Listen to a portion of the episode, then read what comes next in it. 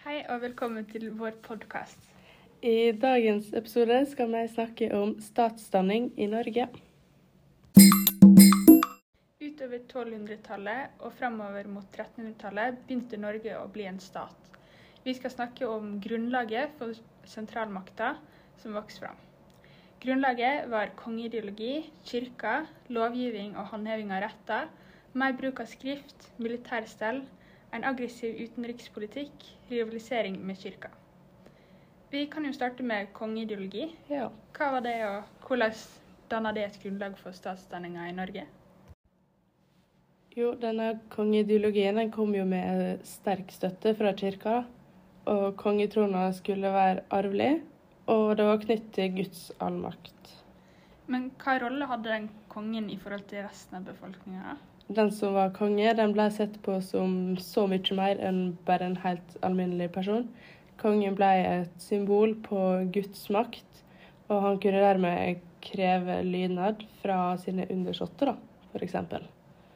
Men hva du tenker, liksom, hva tenker du om størrelsen på makta til kongen? Men jeg syns det er sjukt at én person kan ha så mye Ja. makt. Altså, han var jo bare en helt vanlig person. Ja. At han kunne styre så mye. mhm. Det er merkelig. Hvordan ble kirka påvirka av kongeideologien? Kirka ble jo verna av kongemakta, til tross eh, av at eh, kirka og kongen hadde mange konflikter. Både kirkemakt og kongemakt støtta seg til tomaktslæra, som sa at både den verdslige og den åndelige makta sprang ut fra Gud, og staten og kirka var suverene på hvert sitt område. Og selv om de var enige om veldig mye, så, og de hadde et godt samarbeid, så var forholdet mellom kirka og kongen prega av rivalisering. Og dette samarbeidet de hadde, det var jo for det som var at ofte så satt eh, kirka sine menn òg i kongens råd. Og det skaper jo derfor en enklere samarbeid mellom kirke og konge på den tida, siden det var færre folk, eller ulike folk, da, å gå gjennom. For de som satt i kirka sitt råd, var jo gjerne eh, Mente jo gjerne det samme som kongens råd òg, da. Eh, Men det var òg rivalisering mellom kirka og kongen. Og det gikk jo da mest ut på at de kjempa om å få mest makt da, og status i samfunnet. Eh, og erkebiskopen i Nidaros han hadde jo til å begynne med makt over et større område enn det kongen hadde på denne tida der. Og det var, likte jo ikke kongen, selvfølgelig. Eh, og han bestemte seg da at om han skulle stå fram som like mektig, så måtte han herske over like stort område. da. Og han klarte jo å oppnå det til slutt, etter etter han fikk kontroll over både Grønland og Island.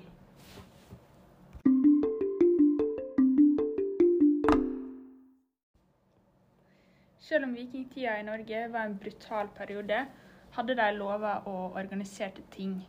Et ting det var en lovgivende forsamling og en domstol der forbrytere ble dømt. Utover i vikingtida ble det utvikla lovverk for større geografiske områder, som f.eks. Gulatingslova for Vestlandet og Frostatingslova for Trøndelag. Men du, Ingeborg, hva område hørte Sunnmøre til, da? Sunnmøre det hørte opprinnelig til Frostatingslova, men ble senere overført til Gulatingslova. Men hvordan la da lovgivning og håndheving av retter grunnlag for ei statsdanning? På 1200-tallet så sto kongemakta i spissen for mye lovgivningsarbeid, både i Europa, men òg i Norge. Og et skikkelig rettssystem det var viktig for kongemakta, for det var jo kongen som sto bak Mm. lovgivninga. Og Norge fikk en landslov i 1274 som gjorde at Norge fikk en felles lovbok. Det var da Magnus Håkonsson som var konge på den tida. Og han har fått navnet Lagabøte, som betyr lovforbedreren. Altså da altså en gikk fra å ha et lov lovverk for større geografiske områder til ei felles lov, da. Mm. Landslov. Ja, og dette må jo ha vært med på å legge grunnlaget for statsdanning. Å bruke skrift ble jo stadig vanligere etter at kong Sverre skrev Sverresogaen. Og kongemakta nytta jo skrifta for å utvide det administrative apparatet sitt. Og dette ga jo da kongen da en sterkere stilling og posisjon i samfunnet. Utviklinga av skrift tok jo egentlig fart under Håkon Håkonsson. Og kongemakta sikra seg jo da en enerett eller eneretter på voldsbruk i landet gjennom eh, lovgivninga. Kan vi se at denne rolletypen i dagens samfunn? Ja, absolutt. I dag så er det jo politiet som har fått denne rolla. Og politiet er det eneste som har rett til å bruke vold. Eh, Sysselmannen i mellomalderen hadde jo da politi- og påtalemynde og kunne kreve inn bøter da på vegne av kongen. Og når vi først er inne på vold, så var det jo ikke uvanlig at det oppsto en borgerkrig eller uenigheter. Men hvordan sto det da til med militære tjenester på denne tida? Det har vært vanlig langt tilbake i tid at frie menn har plikt til å være med i forsvaret til landet. Leidang var den norske forsvarsorganisasjonen i middelalderen. I mange land i Europa ble jo slik militær tjeneste gjort om til skatt. Slik var det i Norge òg. Kongen hadde full kontroll over den militære leidangsplikta. Militærstellet var en av de organisasjonene som virka mest samlende og batt riket tettest sammen. I mellomalderen så var det vanlig at konger ville ta over områder og folkegrupper. Fordi når man har kontroll over et landområde, så får man større inntekter i form av skatt og avgifter. Pluss at den står sterkere mot mulige rivaler. De norske kongene førte en aggressiv utenrikspolitikk, og de sendte nordmenn til store deler av verden. Mange øyer i vest for Norge, som Færøyene og Orknøyene, de var avhengige av Norge. Og Et annet eksempel er jo Grønland, f.eks. Og de sverga jo da til truskap til norskekongen. Så hvis vi skal oppsummere litt, da, så kan vi nå starte med at mellomalderen i Norge den besto mye av kongeideologi og kirkemakt. Og forholdet da mellom disse var jo mye prega av samarbeid og rivalisering. Lovgivning var med på å samle Norge ved at kongen laga ei felleslov, landslov, som ikke bare gjaldt for et lite geografisk område, men hele Norge.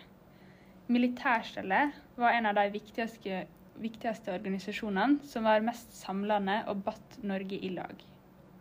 En aggressiv utenrikspolitikk førte til at en fikk kontroll over nye landområder, som igjen førte til mer inntekt og at en sto sterkere.